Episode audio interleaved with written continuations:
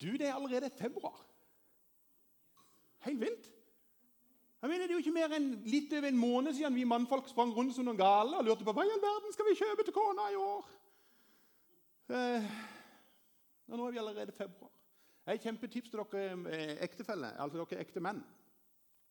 Jeg har, jeg, har, jeg har, en liten plan, en litt sånn slagplan. og det er at eh, Skal vi rotte oss litt sammen, og så skal vi finne ut i løpet av februar hva vi skal kjøpe til kona til jul i desember.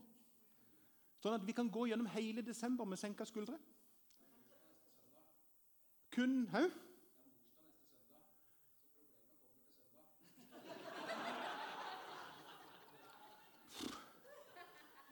Helt til desember. Huff a meg. Vet Når vi kommer til desember, så kommer vi til å gå rundt og lure på hvor var det vi la den pakken. Det er en annen ting, da. Men det er at uh, oh,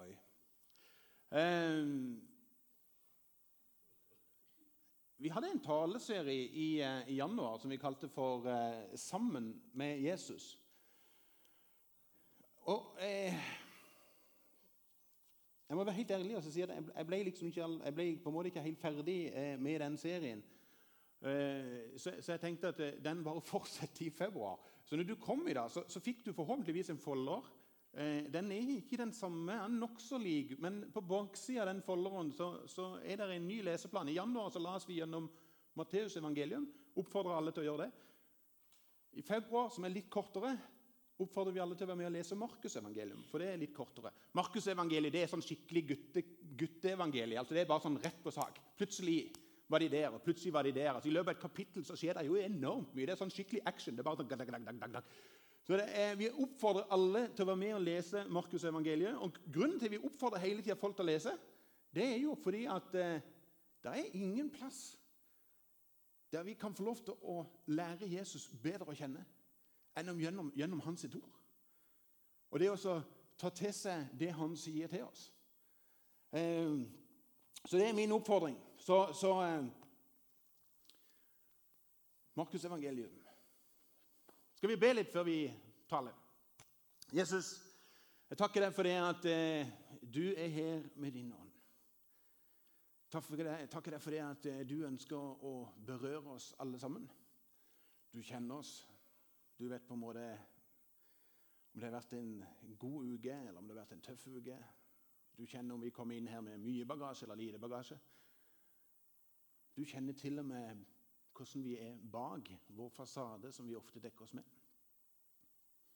Og Så ber jeg Jesus om at den stunden som er igjen her inne, at du skal få lov til å berøre oss og tale til oss. Det ber jeg deg om i Jesu navn. Amen.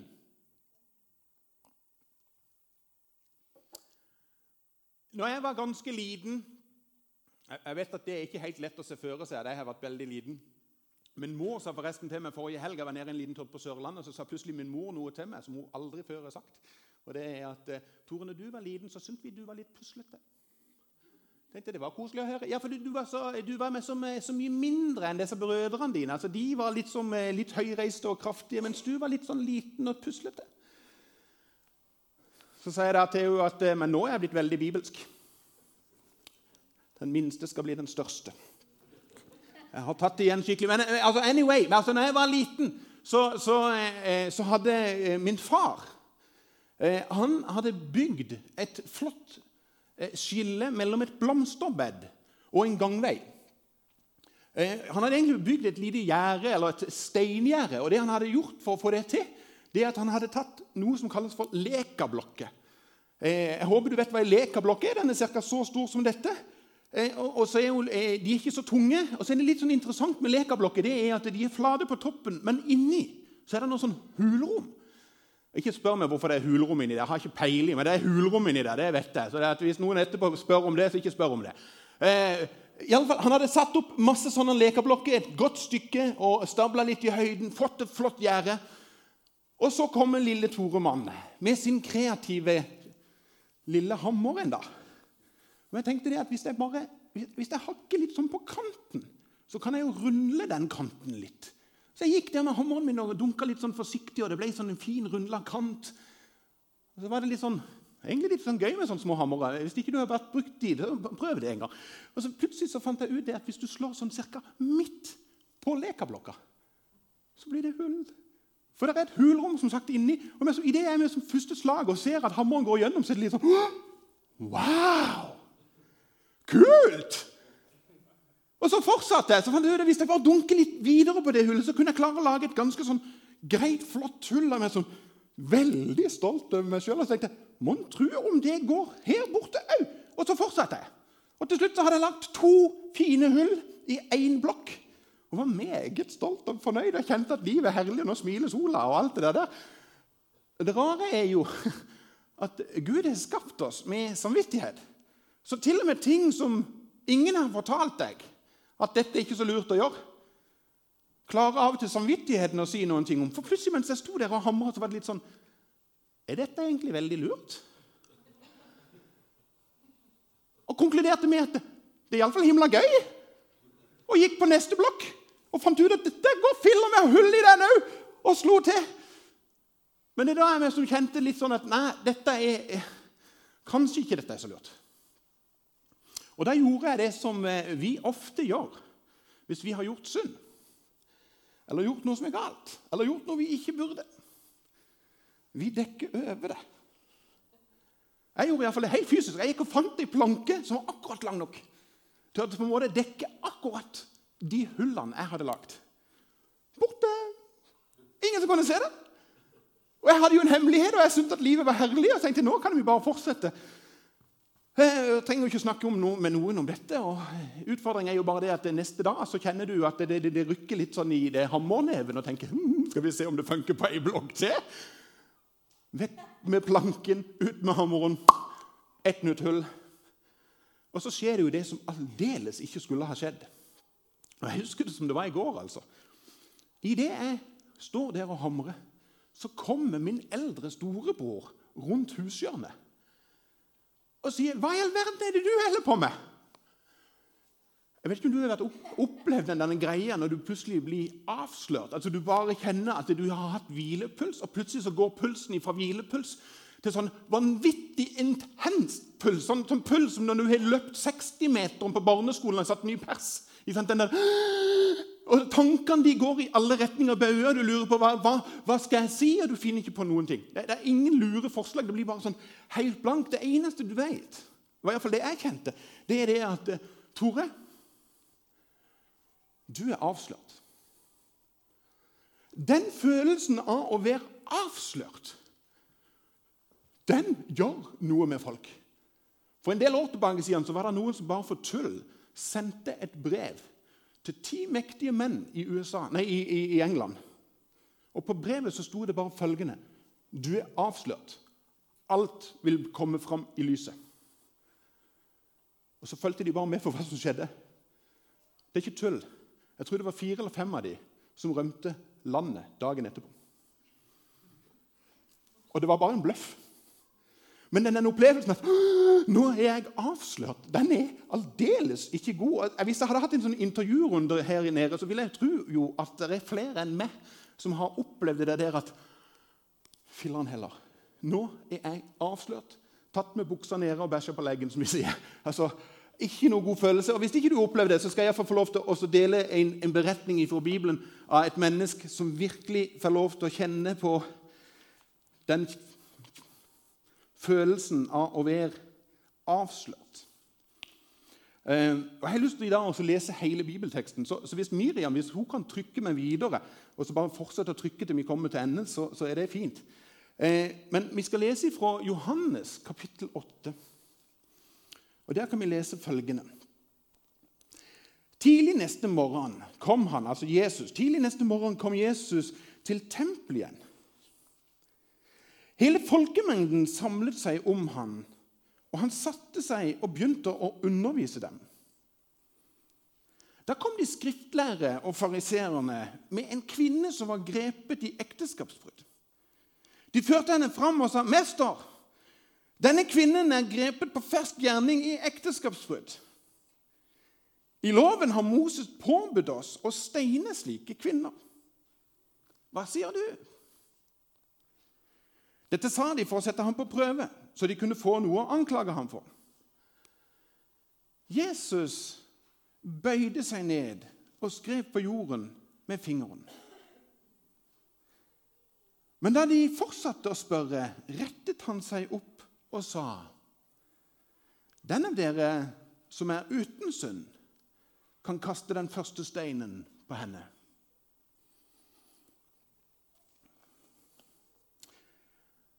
Så bøyde han seg ned igjen og skrev på jorden. Da de hørte dette, gikk de bort, én etter én. De eldste først.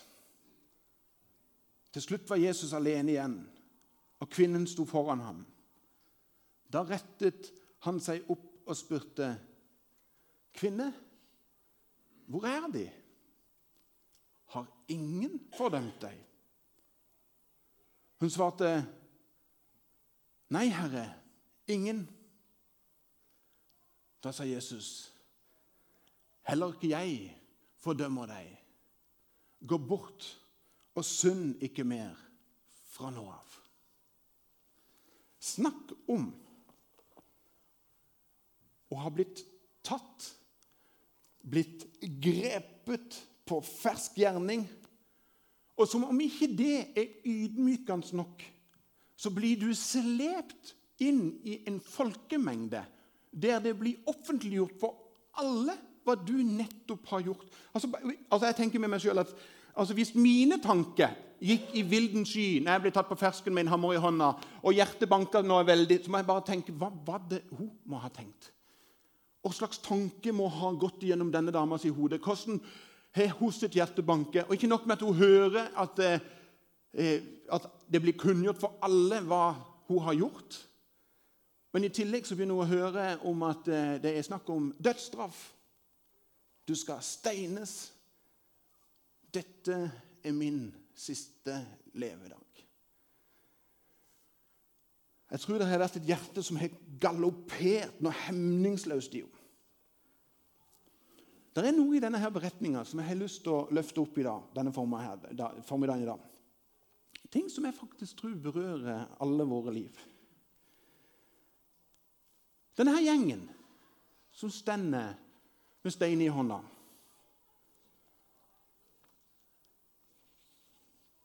Disse her som er klar til kamp.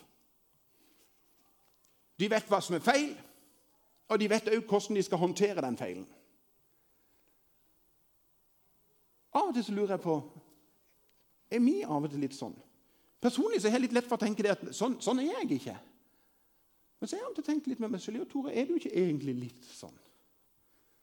Er ikke jeg egentlig av og til litt lett for å dømme noen mennesker nord og ned? Altså Jeg sier det jo selvfølgelig ikke høyt til dem, men på innsida. Der er dommen ferdig skreven, ferdig stempla. Og jeg har på en måte satt dem i en skikkelig bås. Så jeg spør meg sjøl, og så spør jeg oss alle sammen, hva er det vi holder i våre hender? Hva er det vi holder opp mot andre mennesker rundt oss? Av og til bevisst og av og til ubevisst. For jeg tror vi gjør det med jevne mellomrom. Vet du, vi tenker av og til Når vi ser noen, så tenker vi at de der, der de lever ikke sånn som de burde. Eller at eh, hun eller han der de såra meg for 14 år siden, så jeg vil iallfall ikke ha noe med de. De er sånne folk som sårer folk, så jeg vil ikke ha noe med sånne folk som det der, der å gjøre. Eller inni menighet så kan vi av og til bli litt sånn rare, for da blir vi litt sånn Han der, der han er altfor karismatisk. Eller motsatt. Han der er aldeles ikke karismatisk. Han er jo så grå som en gråmus. Eller at eh, eh, vi kjenner det at eh, sjefen vår er jo aldeles altfor sjefete, og læreren er ofte en sånn en beint ut, teit type. Og så har du de der som jevnt peker på og sier vet du, du, vet de der, du vet de, vet du, de er både gift og skilt og gift igjen. Og de der borte de er faktisk samboere, og de er homofile, og de er tiggere. Og de der, der snylter på skatten, og de der oppfører seg faktisk ikke helt sånn som de burde gjøre. Og han der der, han har så langt hår og skjegg at han burde klippet seg for lenge siden. Iallfall når han har det yrket som han har. Jeg har aldri opplevd noen har sagt det her, men jeg har opplevd det andre plasser. bare være ærlig å si. At, eh, og vi gjør disse tingene her av og til helt sånn ubevisst.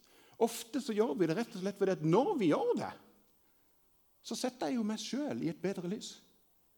Jeg er jo ikke sånn som de. Jeg snylte jo ikke på skatten.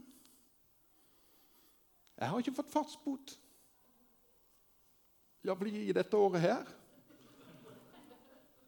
Hørte at den ble litt feil når jeg sa den, men eh, Og så hever vi oss over.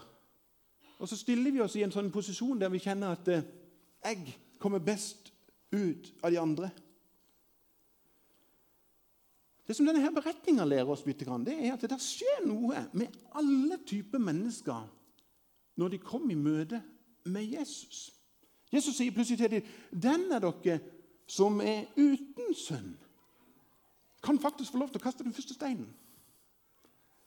Eh, og Jeg har sagt det før. Om synd hadde hatt farven blå, så hadde vi som sitter her inne, sett ut som smurfene hele gjengen. Og Ifølge det vi las nå, så hadde dere eldre sett veldig mørkeblå ut. Altså eh, Vi har en egenskap av å finne på noe dårlig veldig, veldig ofte. Men i Jesus sitt nærvær, i hans sitt lys, så ser vi veldig fort vår egen tilstand. Vår egen synd. At vi i lys av Jesus ikke er noe bedre enn andre at innafor så er vi alle like. Hør, hør, hør, hva jeg sier nå. Gud, han ser oss akkurat sånn som vi er. Han elsker oss akkurat sånn som vi er. Han aksepterer oss akkurat sånn som vi er. Men Og her er et stort men. Gjennom sin grenseløse nåde så lar han ikke oss forbli der vi er. Han gir oss nemlig en ny retning. En ny retning der vi kan få lov til å kjenne noe av hans måte å tenke på. Det er dette her som skiller den dama som er tatt på fersken, og disse folka som står med steinene. Hva er det de med steinene gjør for noe? De ser seg sjøl og skjønner at vi kommer til kort. Vi er ikke bedre enn hun. For de har hatt det samme møtet med innenfor Jesus som dama faktisk nå har. Men de som er steiner, hva er det de gjør? De legger det vekk, og så går de vekk ifra Jesus. De blir avslørt i hans lys, men de får aldri hørt nådebudskapet som dama får hørt. Hun blir stående lenge nok til å la han få lov til å prege henne. Hun blir nok, lenge nok til å høre og si at Heller ikke jeg fordømmer deg. Jeg gir deg en ny retning. Gå bort og synd ikke mer. Ikke bli værende der du er. Men det han egentlig sier, gå en ny retning i sammen med meg. Ikke bli værende der du er, for jeg elsker deg for mye, og min nåde er for stor til at jeg kan se på at du blir værende der du er. Jeg ønsker å lede deg inn i noe nytt. Ta imot nåden og gå sammen med meg. Noen sier av og til til meg Tor, men det er jo ikke så farlig hva vi gjør for noe. Synd er da ikke så inderlig farlig. Vet du noe? Når jeg plasserer synd på en måte som gjør at jeg setter meg bedre i tilstand enn det jeg egentlig er, og tenker at det er ikke så farlig for Gud hva jeg holder på med for noe, da gjør jeg Gud til en veldig liten Gud. Da gjør jeg nåden til noe som ikke jeg egentlig har grepet. Der jeg egentlig bare har sett hva jeg er, men aldri begynt å vandre i sammen med Han som har sagt vet du noe, jeg ønsker å lede deg inn i noe som er bedre. For nåden er for stor til å la oss bli værende i vår synd. Nåden vil alltid dra oss nærmere inn til Jesus, inn i hans sitt fellesskap, sånn at han kan få lov til å forme våre liv, sånn at vi ligner mer og mer på han. Det er jo nettopp dette som skjer med denne bortkomne sønnen som du kan lese om i Lukas kapittel 15. Han som hadde vært vekke, rota til livet sitt, og så kom han hjem igjen. Da er det en far som ser han, som løper han i møte og viser at 'jeg elsker deg', 'jeg aksepterer deg'.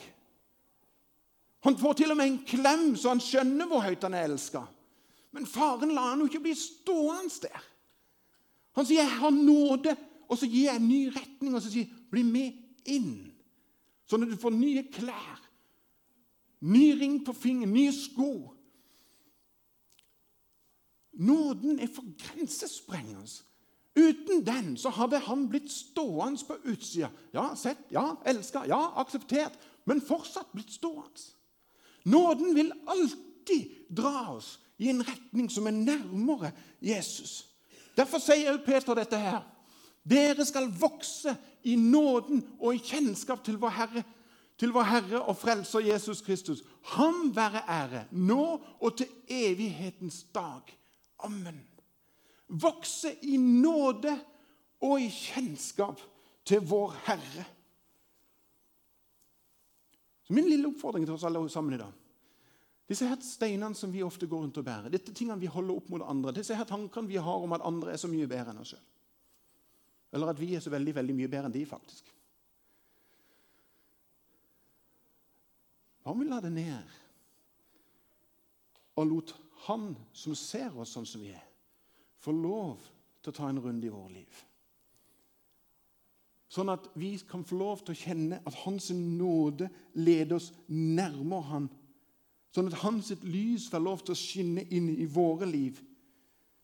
Sånn at vi får lov til å bli forma av han og skjønne hva nåde faktisk er.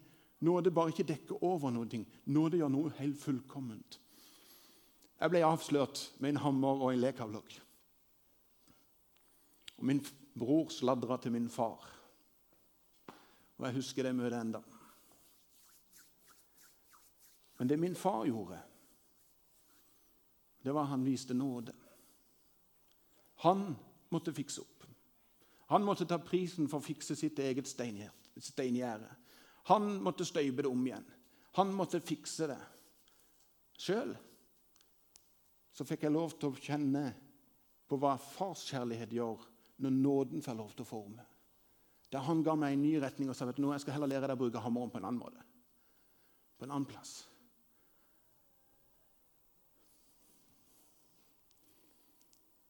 Min store drøm er, eller tanke har vært at må vi alle, når vi går herifra, i sammen med Jesus Gjøre det samme som denne dama som ble tatt på fersken i jordet, For jeg har livlig fantasi. Og jeg tror når hun gikk derifra, så sang hun på en sang. En norsk en, til og med. Og jeg tror hun gikk og sang denne her sangen her. Tenk, jeg skal ikke dø fordi Jesus døde i stedet. All min dødsangst er nå forbi. Den er byttet med glede. Ja, Jesus, hjelp meg å klart forstå at det livet jeg lever nå, det er ditt liv alene. Det er deg jeg skal tjene. Jeg takker deg, himmelske Far, for det at eh, du viser oss nåde hver dag. Takker deg, Jesus, for det at vi kan få lov til å ta imot din nåde. Hjelp oss, Jesus, til å legge ned alle det vi går rundt og bærer på. Og Hjelp oss til å stå med tomme hender som kan ta imot en nåde som drar oss nærmere deg. En nåde som former våre liv. Som lar oss få lov til å kjenne ditt hjerte. Som ser, Jesus, at du er den som elsker syndere, og som ikke kan fordra synd. Hjelp oss til å se at i deg så kan vi stå ren og rettferdig og himmelen verdig. Det priser jeg deg for. I Jesu navn. Amen. Heller ikke jeg fordømmer deg. Så er det da ingen fordømmelse for den som er i Kristus Jesus. For Åndens lov som gir liv har i Kristus Jesus gjort deg fri fra synden og dødens lov. Så er det da ingen fordømmelse for den som er i Kristus Jesus. Vi har veldig lett for å tenke ja, men jeg er jo ikke sånn en synder. Jeg er jo ren og rettferdig og himmelen verdig. Og det er sant. Det er vi. Men tenk om vi hadde sett at vi ikke var fordømt. Tenk at vi hadde sett at ikke vi hadde en dødsstraff hengende over oss. Da hadde vi gjort det som Tove sa i stad. Vi hadde sprunget ut til våre naboer, til våre venner, og sagt at jeg har verdens beste nyhet til deg. Du kan bli fri fra all fordømmelse. Skal vi reise oss opp?